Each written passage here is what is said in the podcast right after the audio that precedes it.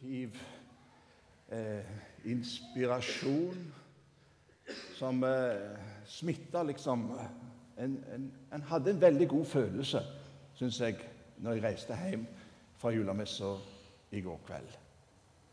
Og så har det vært ei jubeluke på en annen måte òg. Og nå skal jeg fortelle dere en liten historie som dere aldri har hørt maken til. Det tror jeg ikke dere har. Noen har kanskje allerede hørt litt rykter om det. Ja, nå ble dere forvitne. Her i uka så fikk jeg en telefon fra Martin Cave i Imi-kirken. Han sa jeg har lyst til å komme en tur bort til deg. Kan vi avtale et tidspunkt? Ja, det er greit, det, sa jeg. Og han kom her en morgen og fortalte en historie som jeg ikke har eh, hørt noen parallell til før. Det hadde seg slik, sa han, at eh, dette året hadde de et, et ganske stort driftsunderskudd i Imi-kirken. Faktisk på 1,6 millioner. Ja, det kan jo ikke vi hjelpe dere så mye med. Nei, det hadde ikke noe med det å gjøre. Så de ville begynne en innsamlingsaksjon for å rette opp dette. Og Måten de ville begynne det på, det var at det første som ble samla inn, det skulle ikke gå til de sjøl. Det skulle gå til noen andre. Og Sist søndag ble det tatt opp to kollekter, to møter i IMI. Og det ble holdt en kraftig kollektale om at dette skulle gå til en annen forsamling, menighet, i Stavanger, som de hadde satt stor pris på, som har et stort, flott ungdomsarbeid og har et ytre misjonsaspekt. Og nå skjønner dere vel hva dette innebærer. Den forsamlingen, det var Salem misjonsforsamling. Vi skulle få den første kollekten av innsamlingen til å dekke deres underskudd. Det har jeg aldri hørt om noen som har gjort før. Så dette var ikke noe eh, penger som styret bevilga. Dette var noe som de i forsamlingen ga av et fritt hjerte til Salem misjonsforsamling. Og han kom med en eh, bankremisse jeg har den her i Bibelen. Jeg har ikke fått lest den inn ennå. Og jeg fikk den og satt og kikket og lurte på om det var kontonummer jeg så. For der sto 65 000 kroner. Er det vanlige kollekter, sa jeg. Nei, sa han, det er ikke det. Og da hadde vi ikke hatt noe økonomisk underskudd. Dette var en gave til Salem til vårt arbeid. Så det har vært ei jubeluke. Og så har vi hatt litt eh, samtale i styret. Hvordan skal vi fordele dette? Og det ble sagt at det, det en setter pris på, det var ungdomsarbeidet her og ytremisjonsaspektet. Så vi vil dele det mellom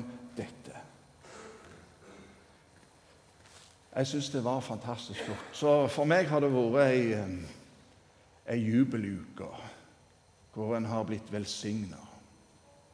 Og nå har jeg lyst til vi skal be i sammen for møtet, og be om at velsignelsen må flyte tilbake igjen til ledelsen og forsamlingen i Imi kirke i Stavanger.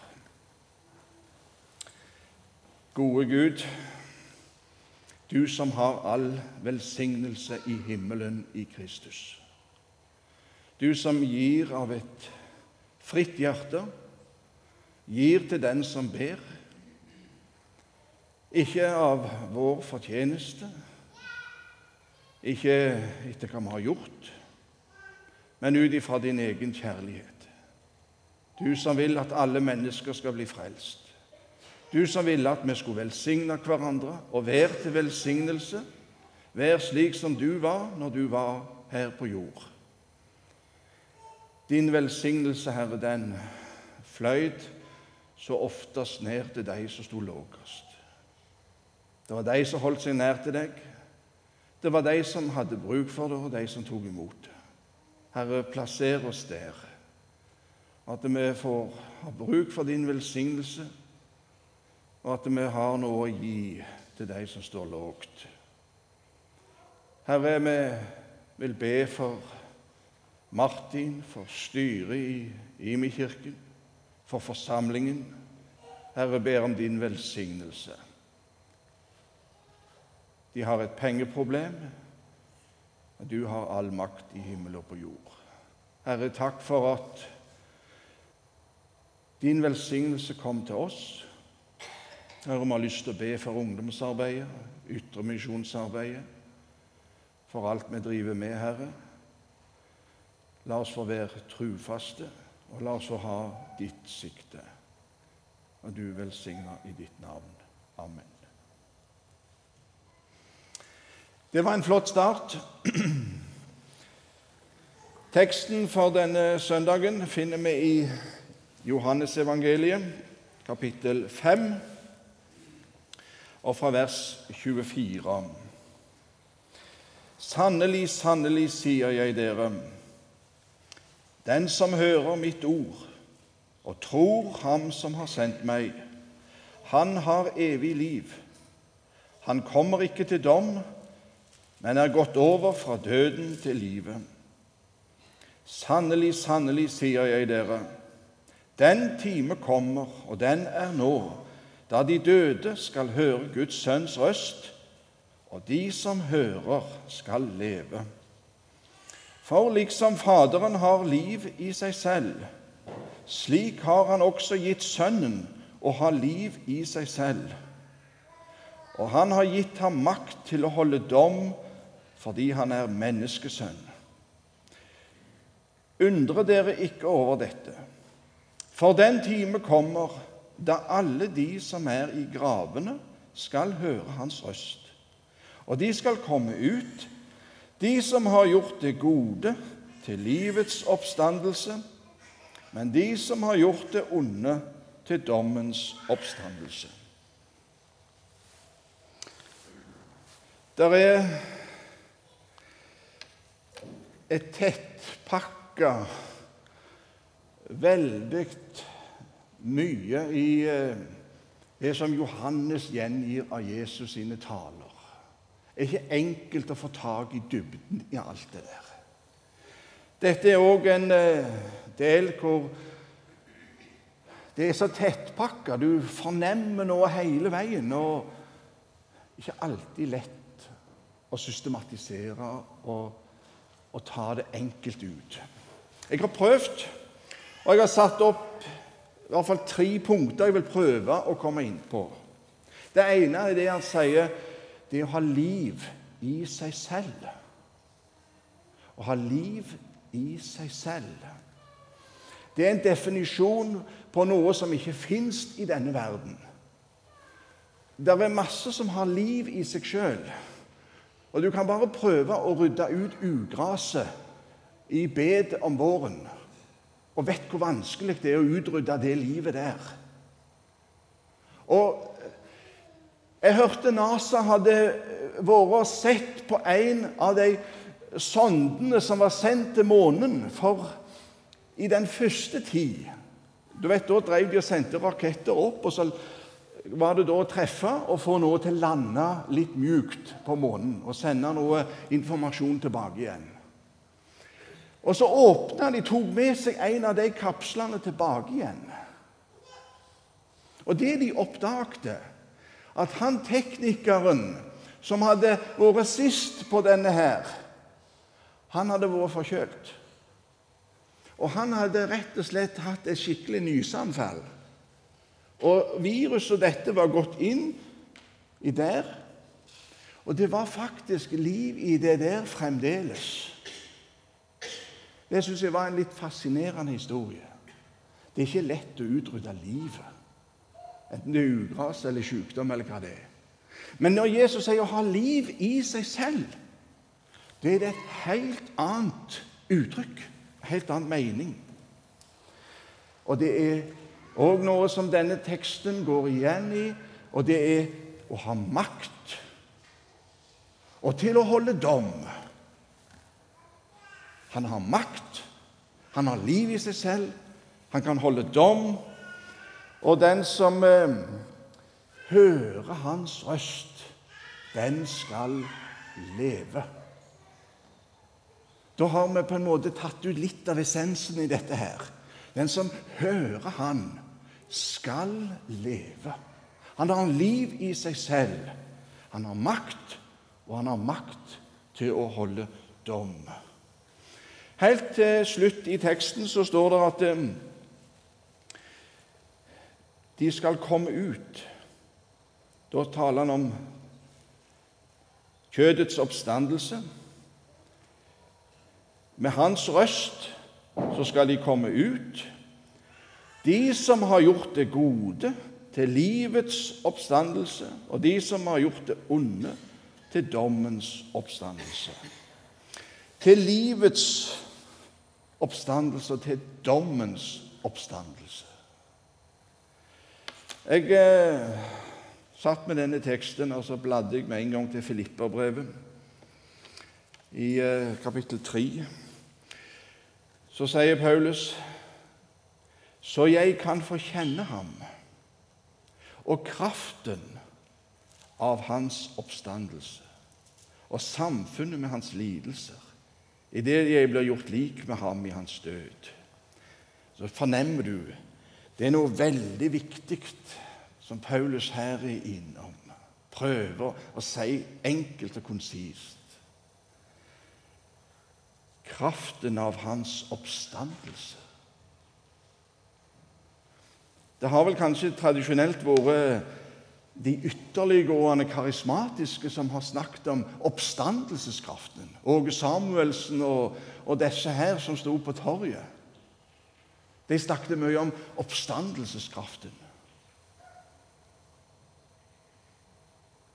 Kanskje vi har mista noe av perspektivet på det ordet der. At jeg kan få kjenne ham. Få del i oppstandelseskraften. Og så samfunnet med hans lidelser. For hans lidelse var ikke bare den fysiske. Men han kom til sine egne, og hans egne tok ikke imot ham. Det var hans primære lidelse. Gud som vil at alle mennesker skal bli frelst. Gud som har lagt en frelse ferdig for alle. Og så avviser de fleste denne. Det er hans lidelse. Og Han vil at vi skal få del i den lidelsen. Og så skal vi òg få kjenne noe på oppstandelseskraften. At det der er et maktens ord i denne verden.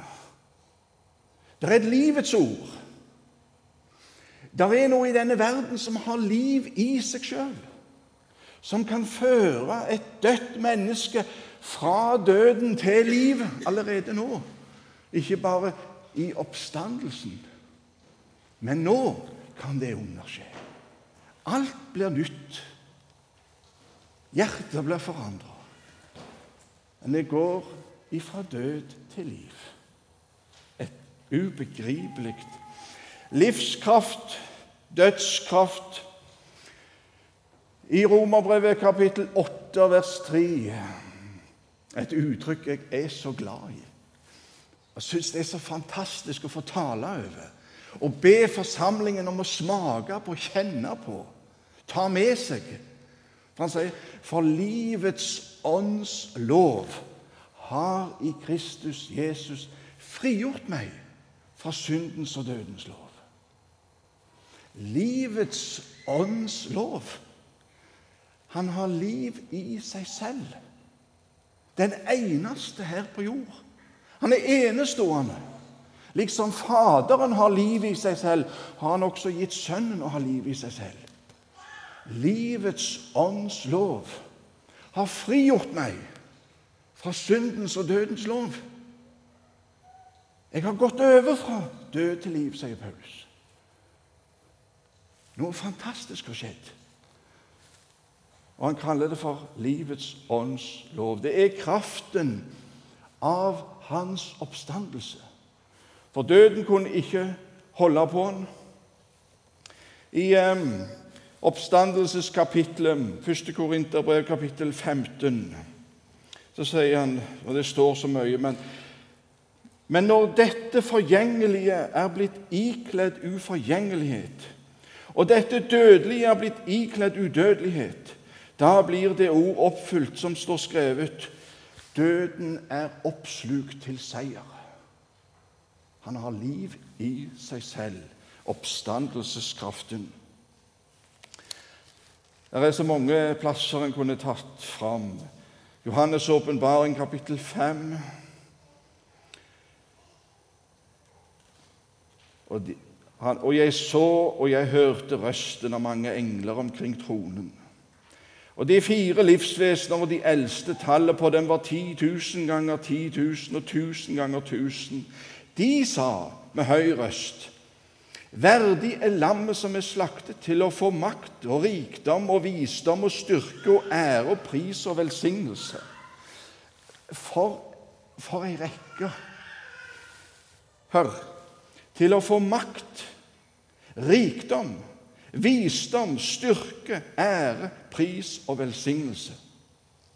Og hver skapning som er i himmelen, på jorden og under jorden, på havet, alt som er i dem, hørte jeg si:" Han som sitter på tronen og lammet, tilhører velsignelsen og æren og lovprisningen og makten i all evighet. Og det er fantastisk sterkt. Oppstandelseskraften. Triumfatoren, han som har det ingen andre på denne jord har. Døden kunne ikke holde ham. Han sto opp igjen. Det er maktens ord. Og du vet eh,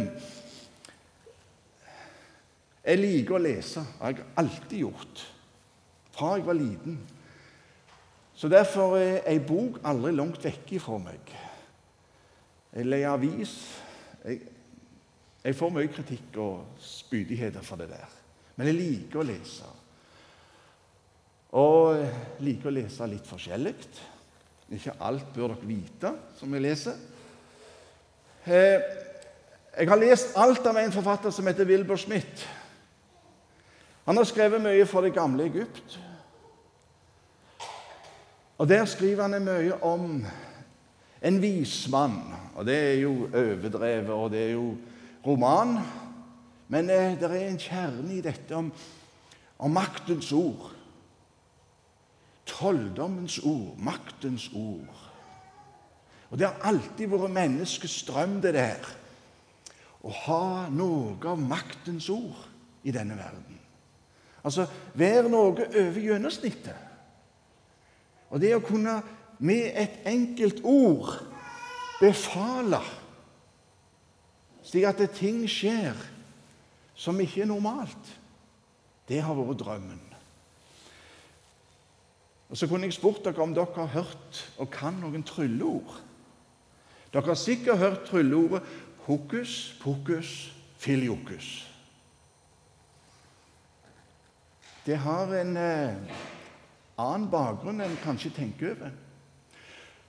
Når den katolske prest Du kan se på julaften når paven har eh, den overføringen av paven sitt. så Hvis du sitter og følger med, så kommer du til det punktet hvor eh, han sier på latin 'hoc est corpus Christi'. Så ringer det i ei lita bjelle. 'Hoc corpus Christi'. Hokus pokus filiokus. Det er der det leder ut ifra. Hva er det som skjer? Jo, i katolsk tradisjon om nattværen så blir brød og vin forvandla til Kristi legeme og til Kristi blod. Vi sier det er Kristi legeme og Kristi blod. De reformerte sier det er et symbol på Kristi legeme og Kristi blod. Katolikkene sier det blir forvandla til Hocus corpus Christi. Hocus pocus filiokus. Det var ikke så rart at de tok det som et trylleord. For det at nå var dette veldig viktig å ta vare på. Derfor så spiste presten opp det som var igjen. For den kunne ikke kaste det. Jeg fikk altså nye problemer. Et annet sånt trylleord abrakadabra. Jeg måtte spørre på litt før. Han eh, kan både hebraisk og arameisk. Jeg var inne på Internett og kikket litt på hva er bakgrunnen for det ordet der, abrakadabra. På hebraisk så er det habraka. Og det eh, har i seg Den hellige ånd og det hellige navnet. Og på arameisk avra ka abra. Jeg skaper mens jeg taler. Det har i seg altså alt dette velsignelse, Den hellige ånd, Gud som skaper mens han taler, og det hellige navnet. Ikke så rart at eh, de tok dette som vi skal si, et slags trylleord. Dette var en amulett som ble brukt i middelalder og før den tid. Her står det avra kadavra, og det samme ser du opp der. Og så får du liksom alle a-ene, b-ene, r-ene, a-ene på skrå ned slik. Dette lagde de som en amulett. Du kan lage det til neste julemesse, Johan. De trodde det, at dette var sterkt å ha på seg. For eh, det var maktens ord. Det var ledet ut ifra Han som har makt. Og Når en da fyller og leser litt i Jesu liv Når han står i båten på Genesaretsjøen og så truer havet Bli stille. Hva er dette for en? Som naturkreftene lyder. For det ble blikkstilt. Han som sa 'ta de seng og gå', og som òg kunne si 'dine synder er deg forlatt'. Han som kunne si til den spedalske som kom til han og sa 'Om du vil, så kan du gjøre meg frisk'. Jeg vil bli frisk. Den romerske høvedsmannen som kommer til han og sier 'Du trenger bare si ett ord'. For du har den makt som jeg har over mine soldater. Sier jeg til en 'kom', så kommer han. Sier jeg til en 'gå', så går han. Du kan bare si et ord. Du trenger ikke komme hjem engang. Ikke engang i Israel har jeg sett så store tro, sier Jesus. Du kan si maktens ord, og det vil skje. Han står Og det var nå sikkert mange graver. Men denne gangen så knytter maktens ord seg opp til et navn, og så sier han 'Lasarus, kom ut'. For som eh, forkynnere før har sagt, hadde han bare sagt 'kom ut', så hadde de kommet alle sammen. Men nå sa han 'Lasarus, kom ut'. Og maktens ord Han har liv i seg selv. Og få kjenne han og kraften av hans oppstandelse. Og det er ikke henge en amulett på, men det er å kjenne dette navn og få være kjent av han, sier Paulus. Peter og de andre ser en som går på vannet. 'Herre, er det deg, som byr meg komme til deg.' Og så sier han, 'Kom.' Og kom i et maktens ord. Og, og Peter stiger ut av båten og går der ingen seinere har gått. Han står fram på Galileafjellet og sier, 'Jeg har fått all makt i himmel og på jord. Gå Tør vi? Tror vi det går an å få kjenne kraften av hans oppstandelse og samfunnet med hans lidelser? Han som er i stand til dette. Jeg har fått all makt. Og jeg sier, gå derfor ut. Han har fått makt til å holde dom, står det i denne teksten. Hvem har makt til å holde dom? I hvert fall, Det visste Johannes når han skrev dette. Det er kongen. Kongen er den som har makt til å holde dom. Og det Johannes også forteller om denne her dialogen mellom Jesus og Pilatus. Er du konge? Du hadde ingen makt. Om det ikke var gitt deg ovenifra. Og han ble enda mer redd. For han skjønte det. Det er en her som er annerledes enn alle andre. Og nå er jeg redd. For hustru mi har vært der før i dag og sagt du må ikke ha noe med denne rettferdige å gjøre. Og Pilatus var redd.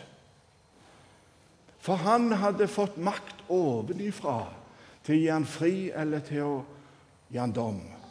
Du hadde ingen makt om han ikke var gitt deg ovenifra. Det er det samme uttrykket som er å bli født på ny. Det er òg å bli født ovenifra. Vi har ingen vakt. Vi kan forkynne, vi kan legge ut, sitere, ønske, be. Men det å flytte et menneske fra død til liv Et menneske blir født på ny. Det er det bare Guds ånd. Avra kadavra. Maktens ord. Det der kan han som har liv i seg sjøl, gjøre. Og en blir født ovenifra. Pilatus var redd, og Pilatus ble brukt. Og Han tar med seg Jesus ut og stiller han fram, og det har vært et ynda motiv for malerne. Ikke humor. Se det mennesket. Jeg syns det er et så fantastisk uttrykk. Se det mennesket. Det står det har blitt gitt ham makt å holde dom fordi han er menneskesønn, står det i denne teksten. Det er så tettpakka. Han har makt til å holde dom. Han er konge, og han er menneskesønn. Og her står Pilatus med han som har sagt 'Jeg er konge'. Er du som finner deg i noe slikt? Fører han han fram, og så står det Jesus var iført tornekronen og purpurkappen. Der sto kongenes konge, herrenes herre. Han som har liv i seg sjøl, med kongekappen og syndens tre. Torn og tistel skal jorden bære, fordi du gjorde dette, Adam. Han er kledd i syndens forbannelse. Purpur er kongefargen og syndefargen. Fargen som 2000 år i jord ikke kan viske ut. Purpurfargen er like sterk. Han var kledd i det. Og Så stiller han han fram og sier ikke humor. Se det mennesket. For det han er menneskesønn. Da tidens fylde kom, utsendte Gud sin sønn, født av en kvinne, født under loven, for han skulle kjøpe deg fri som under loven. Galaterbrevet 4.4. Et så fantastisk sterkt og flott uttrykk. Den som hører, skal leve. I eh, Matteusevangeliet kapittel 13 og vers 15. For dette folks hjerte er blitt sløvt. Med ørene hører de tungt, og sine øyne har de lukket til, så de ikke skal se med øynene eller høre med ørene og forstå med hjertet og omvende seg, så jeg kunne få lege dem. Altså, det å se og det å høre, det, det blir sagt, det er det akkurat det samme. Så jeg kunne få lege dem. De hører ikke, og de ser ikke. Og dette folks hjerte er blitt sløvt hardt. Det er der Kristi lidelse. Tilbake til Filipperbrevet. Å ble gjort lik med ham i oppstandelseskraften og i samfunnet med hans lidelser. Han gråt over Jerusalem. Han gråt over Lasarus, som var passert dødens grense. Han gråt over Jerusalem, som var passert kallets grense. jeg kan ikke nå de lenger. Og Jesus vil gråte i enhver begravelse fordi de har passert min makt.